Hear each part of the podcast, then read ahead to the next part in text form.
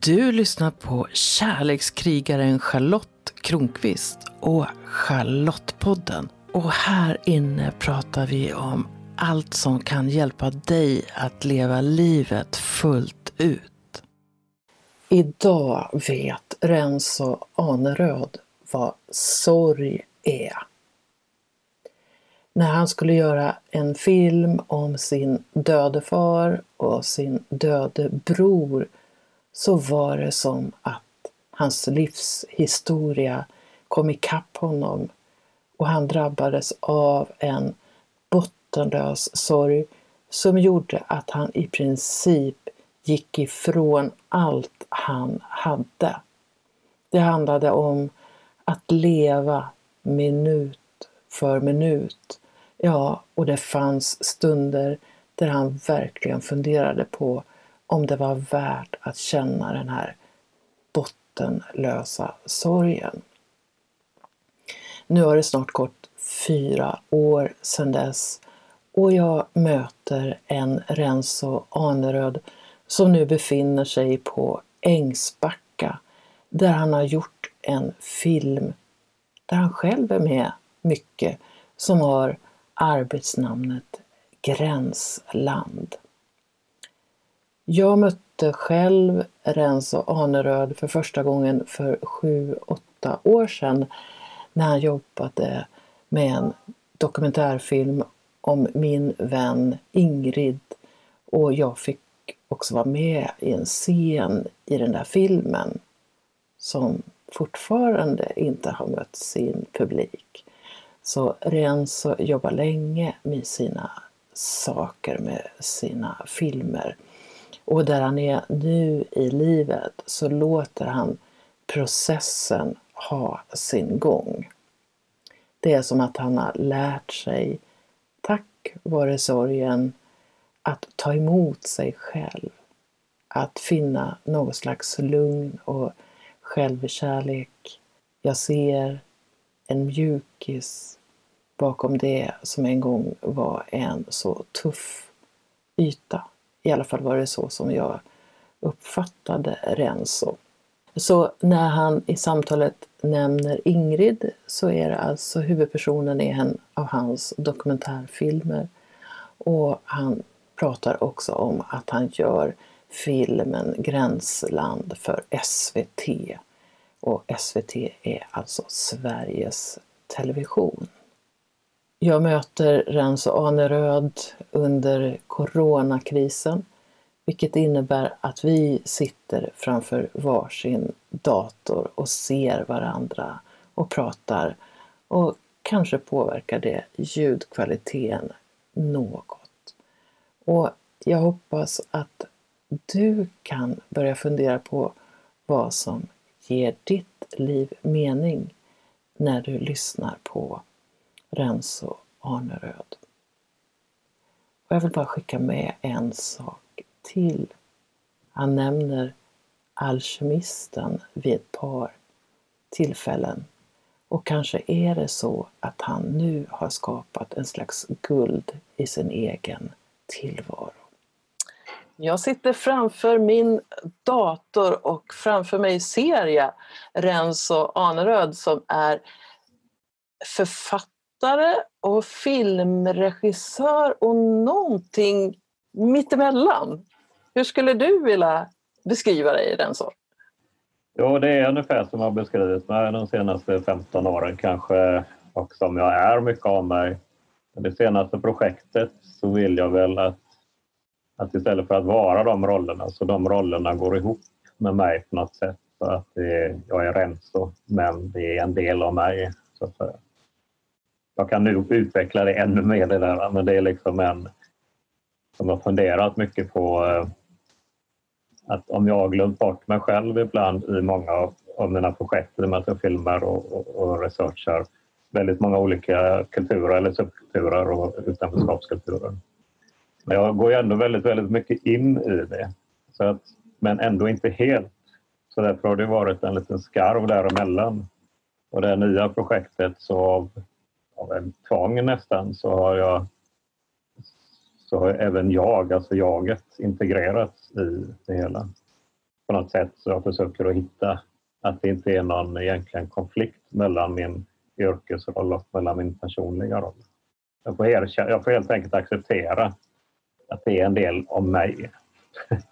ja, även mitt liv, alltså mina relationer, allting har med mitt, eh, det jag gör att göra.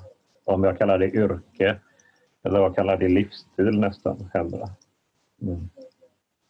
Alltså jag får eh, associationer till eh, varför jag idag inte bara är journalist. Mm. För att då tyckte jag att jag tittade på världen och beskrev mm. världen men jag längtade efter att få vara med i ja. världen också. Är det mm. något du kan... Absolut, det, det, kan man säga. Alltså jag har ju Ja, men visst, jag har ju skildrat så många, många år. Och det har legat nära mina intressen, absolut. Fast jag har ändå alltid haft en distans till det. Och jag har inte varit med utan det är bara att jag mest... Alltså jag är med lite grann, jag har skildrat släktingar och sånt men det är ändå att jag intervjuar och sådär. Men detta är den längtan som du själv säger, att själv vara en del av det. Det har jag nog kommit in i och håller på och processar in i just nu faktiskt i det här eh, senaste projektet som vi håller på med. Som jag förstod det så var du på väg att göra en film om släktingar till dig. Mm. Eh, jag tror din pappa och din bror. Och så blev mm. du så berörd av det mm. att du själv behövde hjälp på något sätt. Kan du berätta ja. lite grann? Jo, det var så att jag hade under tiden jag gjort de andra dokumentärerna som Thailandsdrömmar och, och flera andra under de här åren. Så jag filmat min pappa som var, eller han var klassad som schizofren och manadepressiv under några år har det har handlat mycket om att kunna få en... Eh, vad ska man säga? Det också har varit mitt sätt att kunna närma honom med en kamera då. Men samtidigt så har jag, och så dog min bror då, eller han tog livet av sig 2000. Jag har jobbat så mycket med att skildra under alla de här åren och jag trodde att jag skulle kunna fortsätta att skildra då ganska objektivt. Min pappa när han dog sen då, jag filmade han in till dödsögonblicket i princip och då min bror och eh, där jag skulle då skildra psykisk ohälsa och, och vad det handlar om och sådär. Och, eh, men när han dog, min pappa, så kom ju hela historien ifatt mig på något sätt. Och det drabbade mig alltså in, på insidan. Så att jag, eh, jag skulle egentligen lägga in mig också som research på ett mentalsjukhus, eller på ett psykiskt sjukhus. som research då för att förstå hur de hade känt under de här åren. Då. Men som sagt när han dog och lite efter det så... Ja, det, det jag helt enkelt trodde jag skulle bli knäpp själv eller så. Alltså jag tappade all kraft och fick en extrem sorg liksom, som jag har på något sätt hållit inne ända sedan jag kanske var 19 när min bror fick en psykos. Ja, var det nog. Och istället har jag använt min sorg tidigare som en drivkraft och varit väldigt aktiv och skapat väldigt, väldigt mycket i liksom 25 år eller någonting.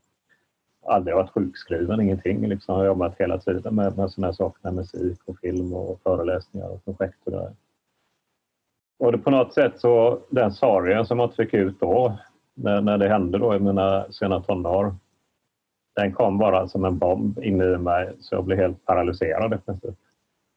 Och eh, jag, jag, hade ingen ilska kvar ens, för ilskan kan ju vara en drivkraft liksom, mot samhället och sådär. Och det har det ju varit innan, ilska och allt möjligt sånt. Men nu var det bara liksom en bottenlös sorg som kom fram. Och då visste jag faktiskt inte hur jag skulle hantera det eh, först för att jag ville inte gå till psykvården. I och med att det var ju det som jag har sett mycket illa från min ja, alltså hur de fick tabletter och elchocker och grejer och, och så vidare i psykiatrin. Så det fick jag kände jag att jag skulle hellre dö liksom än att gå dit. Och jag i princip vandrade omkring, alltså jag släppte allting, alltså precis allting släppte jag. Jag bodde hos vänner först. Eh, sket i lägenheten, sket i att betala räkningar allting, liksom, för jag visste inte vad jag skulle göra. Och, eh, och för jag kunde inte åka hem, jag kunde inte vara där jag varit innan. Och då var det av någon alltså slump egentligen att jag hamnade på ett café på Hisingen som heter Alkemisten. Eh, det var en kille som heter Christian där som hade, en kille som, som hade ett café där och det var lite så hippie-känsla på det och han föreslog eh, att jag skulle åka till Längsbacka. Hade du hört talas om Ängsbacka? Ja, det hade jag hört talas om Ängsbacka, absolut. Det hade jag gjort. I och med bland annat i och med den eh, filmen som jag tidigare har börjat med, med Ingrid då, till exempel. Hon hade inte, jag hade inte varit på Ängsbacka innan utan Skeppsudden hade jag varit på. Men jag visste inte jättemycket om Ängsbacka. Det visste jag inte. Men när han nämnde Ängsbacka så liksom ja, då, då kände jag okej, okay, alltså jag gör vad som helst kände jag. vill inte till psykvården, jag, vill inte, jag vet inte vad jag vill. Jag vill få tillbaka min kraft helt enkelt. Jag vill få tillbaka min kreativitet. Så jag drog ju dit och eh, hamnade där 2017 på juni tror jag. Och då hamnade jag rätt in först i Sexy festivalen Och sen eh, så stannade jag kvar och började skriva där och var kvar hela sommaren och jag hade fått lite pengar då för, för att göra den här filmen om min pappa. Så jag tog alla de pengarna och betalade varenda festival den sommaren på Ängsbacka.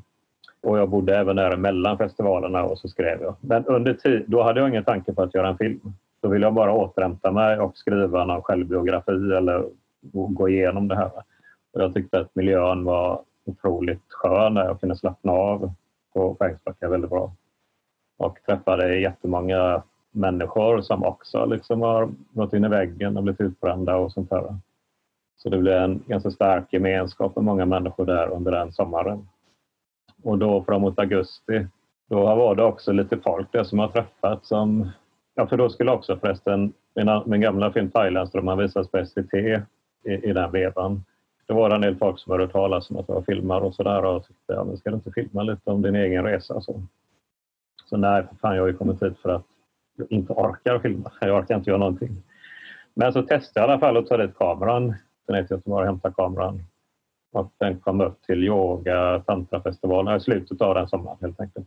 Och då började jag filma, men jag filmade också på ett annat sätt än innan. Utan så när jag filmade vände ibland kameran mot mig. Alltså det var väldigt mycket meningen det som skedde för att jag är van vid att liksom rikta den mot någon.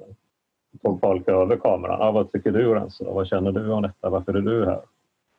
Så det var heller inte med, alltså egentligen var det inte meningen att, att jag skulle vara med i filmen. Alltså jag tänkte inte på det från början. Jag tänkte göra som vanligt. Men, men de, de människorna jag träffade på Ängsbacka de, hade en liten annan tanke då också att här ska ju alla liksom, ja, du får också vara med i filmen. Om vi ska vara med får du vara med i filmen och din resa. Så, där. så det har blivit en form av alltså, kollektiv uppbyggnad, en, en process liksom med de här åren med, med den här både på Ängsbacka och så har folk filmat sig själva med mobiltelefoner och eh, filmat även utanför Ängsbacka när folk åker iväg, när jag åker iväg och sådär. Alltså det är inte, det är inte Ängsbacka i sig det handlar om. Det handlar liksom om det, det nya titeln Gränsland, alltså att gränsla mellan det gamla och det nya inom en själv. Kan man säga. Så det är en tunn linje mellan, också, också en tunn linje mellan galenskap och kreativitet. Alltså att gränsla mellan alla de här som andra så, eller sådär, att, att, att det är den, den som, som vi vill få fram då lite grann, alltså den känslan vill vi få fram i filmen. Också också ibland så återkommer jag till mina, min, min familj då, under filmens gång, min pappa och min bror och, och tänkte att vad hade hänt om, om de hade varit på ett sånt ställe eller liknande, fått den typen av icke-dömande så att säga. För det är väldigt icke-dömande i de här miljöerna jag märkt, som jag inte var van vid tidigare. Då. Så den handlar ju liksom inte bara om Ängsbacka, absolut inte. Den handlar om människorna, en fem, sex, sju, upp mot tio. Eller ja, en, en kärna på fem människor och sen tio stycken som jag följt, inklusive mig själv. Då man har följt under de här åren. Eh, och eh, vad kreativitet är, vad liksom psykisk sjukdom är för någonting. Är det det alltid? eller inte? Hur, alltså, hur, och vad är liksom, alltså vad är kärlek och lycka? Vad är, eh, kan man leva i samhället utan att kompromissa för mycket med sig själv? Och, eller ska man lämna samhället och åka till ekobyar och, och så vidare? Alltså mycket sådana frågeställningar. Jag har varit en del på Ängsbacka och jag tror att vi var där samtidigt 2017 för jag var på Tantrafestivalen eh, mm. då och gjorde lite småsaker eh, mm. där. Så jag känner till det här icke-dömande miljön och mm. eh, det är drogfritt och man mm. får vara sig själv och blir emottagen och som jag ser det så är det också mycket utrymme för att man får dela sitt inre med mm. andra. En sak som jag funderar på nu när jag hör dig, det är när du säger att du fick här, den här sorgen. Mm. Hur kändes den i dig? Hur upplevde du sorg, alltså konkret? Alltså då när det var som starkast då när, jag, när den bara kom som... Ja, alltså det är klart jag alltid haft en dov sorg i mig under alla de här åren men den har ju varit hanterbar. Nu var det som en svalde mig inifrån liksom och, och det ljusa som fanns liksom eh, dränerades av någon mörk gegga av något slag som eh, i princip eh, alltså, tryckte ner mig, inte till jorden, utan tryckte ner mig under jorden så jag hade till och med svårt att gå liksom, eh, snabbt. Eller, utan, utan det var som en deg, en, en, eh, en liksom slemmig deg liksom, som man fastnade i. Alltså min blick blev ju också helt så ungefär som man tittar i nyckelhål eller, eh, eller som man har tagit någon väldigt dålig drog av något slag. Alltså inte någon, inte någon, någon drog som man blev väldigt seg. Alltså, alltså det var bara som en jävla overklighetsseg eh, dimma med, med vad heter det, ja, mörka, alltså väldigt mörka moln som, som man gick rakt in i. Typ så. Om man, ja, du vill ha en beskrivning konkret, jag försökte lite konkret. Ja, och så tänker jag så här, mitt liv har mycket, varit mycket berg och dalar. Och mm. Jag kommer ihåg eh, när jag var i en sån här djupdal och då hade jag börjat min inre resa som jag kallar det. Eh, mm. Då kändes det som att längst ner så kändes det som att livet kommer att fortsätta vara så här. Det finns ingen mm. utväg. Nej. Ju fler gånger jag har varit i det där så vet jag att det är en fas. Mm. Och då funderar jag på när du kom in i det här, kändes, hur, hur, kändes det som att oh, så här är livet nu? Ja, alltså jag, det du säger stämmer. Jag har ju haft det innan i viss mån, absolut. Jag har haft mina faser och så, så att jag visste om att det är faser. Men detta var något mycket starkare. För att jag tror också ja, att, att det var som att det alltid kommer att vara så, att det var en väldigt stark meningslöshet. Men det var också det att det som kom, det som när jag innan har haft 30-årsgrejer, alltså när jag var 30 och sånt här, var också jävligt eh, låg men då hade jag massa drivkrafter att jag skulle göra saker. Jag hade massa sådana planer på eller, allt jag ville göra samtidigt. Plus att jag hade min dotter då också som, var en drivkraft, eller det har jag nu också fast hon är vuxen. Men nu var det också att det kändes som att okay, jag har gjort allting. Jag har gjort mina, genomfört mina drömmar, eh, mina filmer, mina böcker. Jag har haft musikband, jag har haft skivor. Alltså jag har gjort massa sånt som jag ville göra när jag var tonåring trots den bakgrunden jag har. Då. Och det gjorde ju också att, att livet kändes ju ännu mer meningslöst den här gången. Vad fan ska jag göra nu då? Jag har ju, ska jag göra mer filmer? Nej, det har jag gjort hur länge som helst. Ska jag skriva mer böcker? Nej, det har jag gjort. Ska jag spela? Nej, det har jag gjort. Liksom. Och det, jag tror att den sorgen blir ännu starkare då.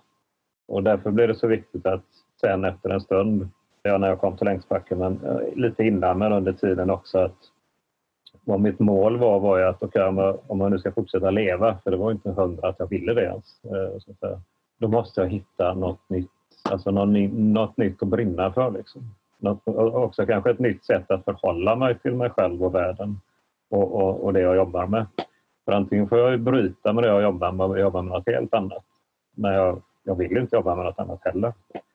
Det var som liksom en moment 22 där. Liksom. Vad fan ska jag annars göra? Ska jag liksom bli bonde? Men jag har ingen lust att göra det heller bara. Jag kan göra det typ som eh, sidogrej. Men jag, jag blir inspirerad men, men jag kan inte bara göra det utan det finns. Liksom, så, så det gäller liksom att hitta.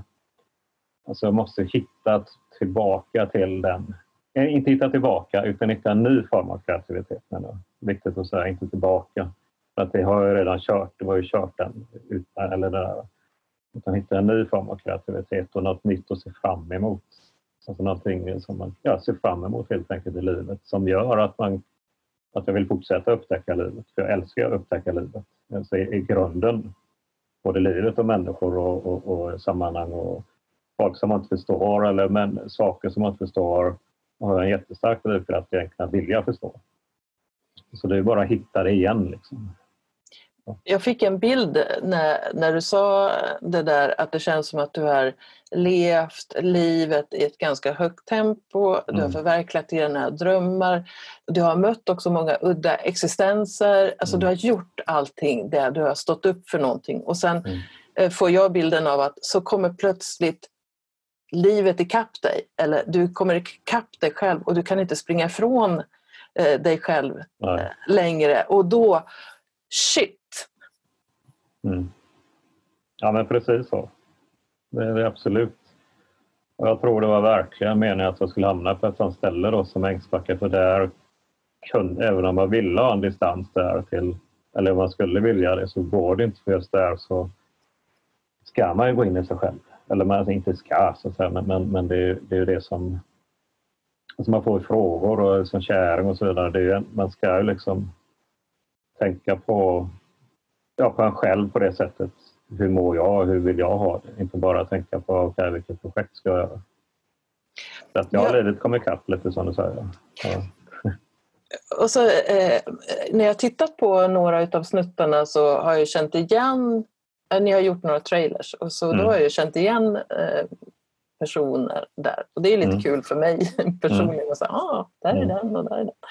Men jag tänker det här att gå ifrån att gå i någon slags slow motion som att eh, vandra i kvicksand eller vilken bild du nu hade mm. där det kändes meningslöst och sen så börjar någonting hända som gör att det börjar finnas lite mening eller att drivkrafterna börjar känna av igen och jag tänker att ett viktigt ögonblick var när du nappade på det där, ja men jag kanske ska hämta kameran. Ja, exakt. Det var det faktiskt. För att jag, jag förstod ju det också att jag kan inte bara hänga här i flera år utan att göra någonting. Eller så. Alltså en festivalsommar, absolut, det var jätteskönt, fantastiskt var det. Men sen då? Liksom. Så eh, volontära resten av livet på Ängsbacka, det är kanske heller inte något alla. Liksom. Så att, eh, ja, men då, då var det någonting med filmkameran och med hela den, det som sattes igång med det när den kom upp. Och den avväpnades också, filmkameran, på det sättet att den, jag lät den rulla runt till folk eller sådär. Och då blev den inte bara mitt ansvar på det sättet, filmkameran, att jag skulle prestera någonting. Utan då blev det plötsligt flera personer inblandade i det här. Och då kändes det bra. Liksom. Det kändes, kändes bra då att, att, att den blev avväpnad på det sättet. Det blir inte så en stor grej att göra en film. Utan jag ändrar också filmmetoderna liksom till att okay, vi kör lite mobiltelefoner. Det gör inget om kameran blir lite skakig. Jag har varit väldigt noga innan. Och det så, så, så, så. Och eh, mycket i den metoden också. Liksom. Och även då att jag är så vad ska man säga, öppen själv och, och, och eh, sårbar är ju helt, hade varit helt omöjligt innan inför kameran. Alltså att jag själv är filmad på det sättet.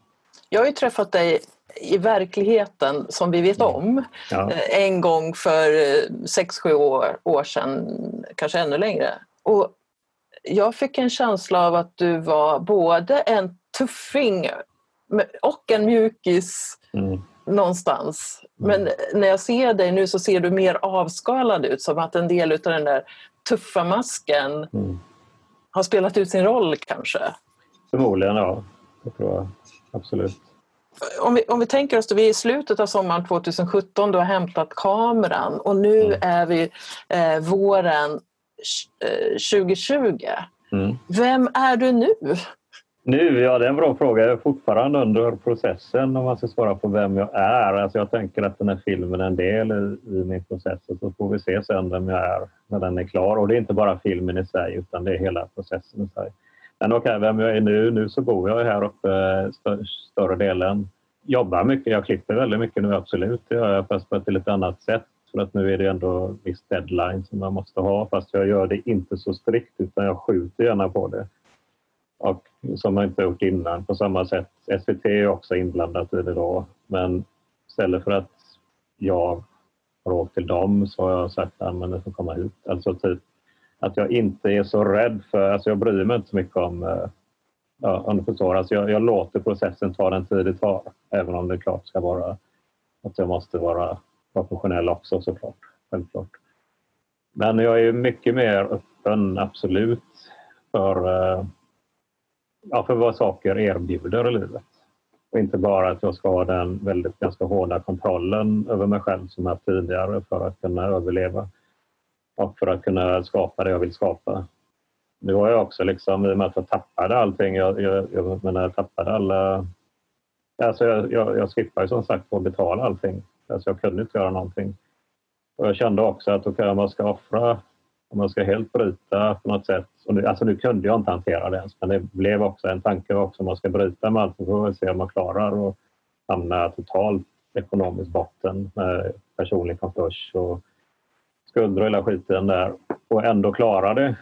Och eh, det har jag ju bland annat tack vare helt underbara människor här. Liksom den här Dumstramman till exempel på Ängsbacka och, och det finns eller folk som bor här och en huvudperson ligger förresten här. Nej, det är Dumstram, men en huvudperson i filmen i alla fall och hon har hjälpt också. Alltså alla hjälper varandra på något sätt. Mm, vad härligt! Ja, alltså det, det, eh, och det har gjort också att Okama kan överleva utan någonting. Vad fan ska jag då vara rädd för? Alltså om jag överlevt och, och släppa liksom boven och allt möjligt. Och eh, då har jag inget att vara orolig för längre. Och då kan jag bygga upp det igen fast på ett nytt sätt. Jag brukar göra skillnad mellan att överleva och att leva. Och eh, jag vill vara en levare. Mm. Jag tycker att det, är, att det är så många som det känns som att de, att de lever i grottekvarnen. Mm. Och, och, ja, och en del säger till och med “life is shit and then you die”. Och det, det känns som att du har passerat överlevnadsstadiet. Så, så är du på väg in att bli en levare? Alltså det känns lite så det ja. Absolut. Jag har ju varit en överlevare innan, definitivt. Men nu, som du säger, mer, försöka mer att vara en levare. Då, alltså. ja du låter sak, saker ta längre tid och att du låter mm. processer eh, ta mm. den tid det ska och det kanske handlar om läkning och allt möjligt. Mm. Så hur använder du tiden förutom dina projekt? Vad, vad får plats i ditt liv idag? Vad gör det meningsfullt idag? Alltså det är också en sån liten komplex fråga för mig för att jag är ju väldigt mycket att jag gillar att skapa även i det privata. Men jag tränar väldigt mycket. Just nu så tränar jag också att köra med yoga. Då. Alltså jag eh, skriver och alltså det, det, jag har tidigare haft väldigt svårt att bara ha den här eh, sociala biten. Utan jag trivs ändå väldigt mycket med att skapa, absolut. Eh, men jag blir bättre och bättre på att bara hänga också. Även om jag, då, om jag går upp och hänger på Ängsbacka till exempel på något café där så kanske jag ändå lägger mig i soffan men jag njuter av gemenskapen och folk där men jag kanske ändå tar fram datorn och skriver på min självbiografi en stund. Men det gör jag av fritt val. Jag gör det inte av tvång. Jag gör det inte för att jag måste utan jag gör det för att okay, men jag, det var ju det jag sa i början att jag erkänner för mig själv att det är en del av mig att skildra och skapa. Skildra mig själv och skildra andra och skapa. Det är en del av alltså mitt mitt inre. Eh, men sen kan jag göra det i ett socialt sammanhang gärna att man sitter och äter middag med någon eller fikar. Men samtidigt så kanske, okej, okay, men nu vill jag skriva lite. Ja, men då sätter jag mig och skriver. Så att, ja, inte, alltså inte bara ha det prestationsinriktade som innan, att, att man tar, okej, okay, då gör jag det, då gör jag det, då gör jag det. Utan nu är det mer att jag vill ha det mer organiskt. Om jag inte vill göra något så gör jag inget. Eller om man går ut och vandrar eller som nu när det är fantastiskt sol så jag har blivit ganska solbränd på tre dagar.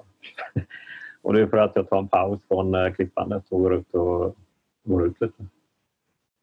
Eh, det, det, här att du låter så, ta, saker ta sin tid. Jag, jag höll på att kolla på klipp inför att jag skulle prata med dig och då såg det ut som att den här filmen Gräns, som just nu har arbetsnamnet Gränsland, mm. att den skulle ha varit klar som, som förra året.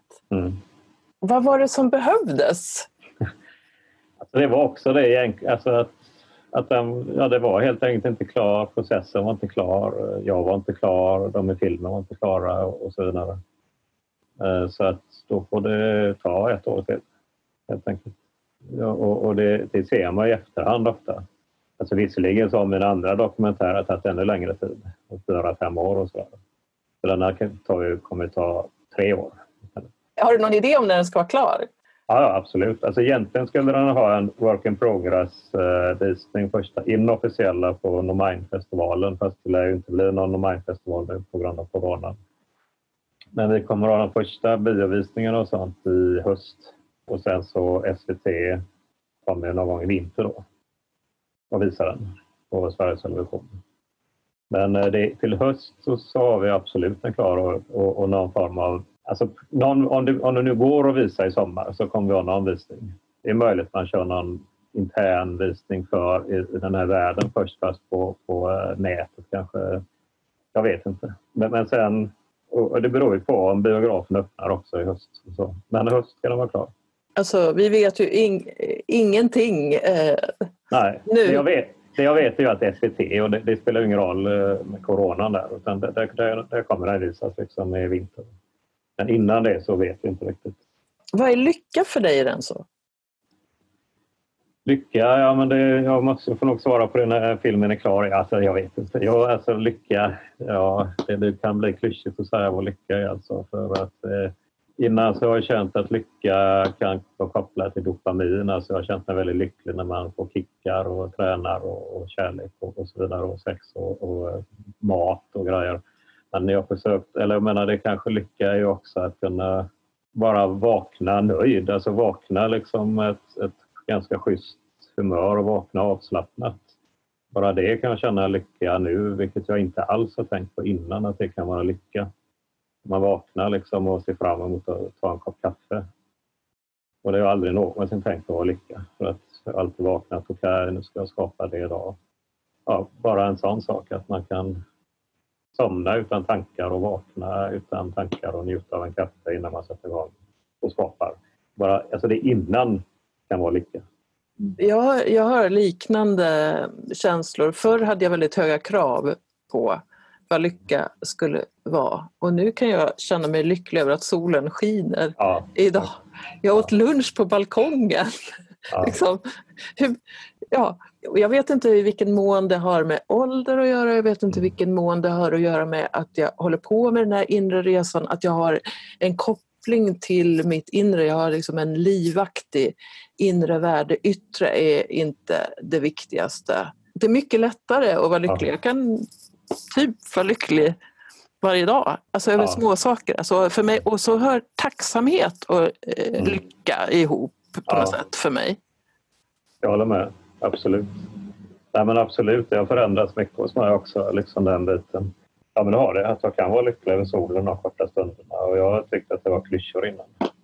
Mm. Alltså den första gången i livet jag kände mig riktigt lycklig, det var inte det. Jo, det var det säkert, men det jag minns det var ju när jag vann eh, en brottningsmatch när jag var 14 år i Holland, för jag var ganska bra på brottning när jag var barn. Och då kände jag en sån extrem lycka, men det var en prestationslycka och det är väl den lyckan jag velat uppnå hela livet då, att, att, att man har gjort någonting. Men nu är det något annat. Ja, givetvis när min dotter föddes. Det kanske ändrade lite också, att det var en annan lycka. Men eh, som du säger, att med den vardagliga, att man varje dag kan hitta någonting och, och vara lycklig över. Om man utan att låta som klyschor, men det med om man sitter i solen och inte tänker. Mm. Bara det kan vara njuta liksom. Jag vill dra en tråd till bara och jag funderar på den unge Renzo och mm. det också eh, det som har varit dina drivkrafter. Och när du ser på dig själv 30 år tillbaks eller ännu längre eh, och så. Hur nu blir det lite ledande kanske, men alltså hur kärleksfullt kan du se på dig själv när du tittar? Alltså jag kan nog se, alltså nu i alla fall, ja, men jag kan nog se ganska kärleksfullt på mig själv för att jag förstår, jag förstår vad, vad jag har haft alltså bakom mig och sådär. Och jag tittar igenom gamla grejer. Jag har haft, jag har ju lådor med liksom, alltså jag har skapat så löjligt mycket nästan på, på ända, alltså, musik och bra, alltså skrivit ända sedan... Men det har varit en överlevnad. Men då var det också mycket, jag hittade några gamla kassettband jag gjorde, typ med, hat, med hatet som drivkraft kan man nå långt. Skrev jag till exempel när jag var typ 19 eller något sånt. Så jag, och då kan jag ju... Jag ler ju inte åt jag kan känna en sorg på ett sätt. Men samtidigt har jag förståelse för att istället för den djupa sorgen som kanske hade gjort att jag gick, gick under då så använde jag då alltså hat är ett jättestarkt ord. Det var bara för att jag var tonåring som jag skrev det. Men äh, ilska då istället för. Mm. för att, för att skapa. Så jag kan ju nu ändå ha en kärlek till den unge arga Renzo såklart. Jag förstår varför han var arg. Och om, om vi säger att du skulle möta en person ungefär som du som kommer in i den här sorgen och börjar känna meningslöshet. Om du skulle ge något tips om vad ett litet steg för en sån person mm. skulle kunna vara för att gå åt rätt håll eller ett fungerande håll? Så det är ordet, alltså nu ska jag återigen inte låta för mycket påverkad av ängsbacka, men surrender, alltså att man, nej, utan acceptans. Alltså det tar ju en bra stund. För mig var det ändå, det var ingen lätt process alltså. Alltså hitta någonting glädjerikt. Det kan vara, jo men jag hittar ju, jo, i början när jag liksom inte ens visste om jag ville leva eller dö så hittade jag ju små, små grejer liksom. Hitta en bok, ja, Alkemisten, den boken förresten. Mm. Och sen eh, hittade det kaféet. Alltså, som jag var ute och promenerade och egentligen bara ville gå från mig själv och, och liksom försvinna. Så var det små, små grejer hela tiden. Eh, jag hörde en musik med plötsligt någonstans med Timbuktu, det ordnade sig. Alltså sådana små grejer. Jag stannade upp då. Jag stannade upp för att jag ändå kände att okay, jag vill hitta någonting. Även i den här bottenlösa sorgen. Så även om det bara var för fem minuter jag stod och lyssnade på den låten eller jag tog kaffet eller läste Alkemist, eller ja, vilken bok man nu läser, eller vad det nu är för någonting. Så fick jag just vid de korta, korta stunderna livshopp.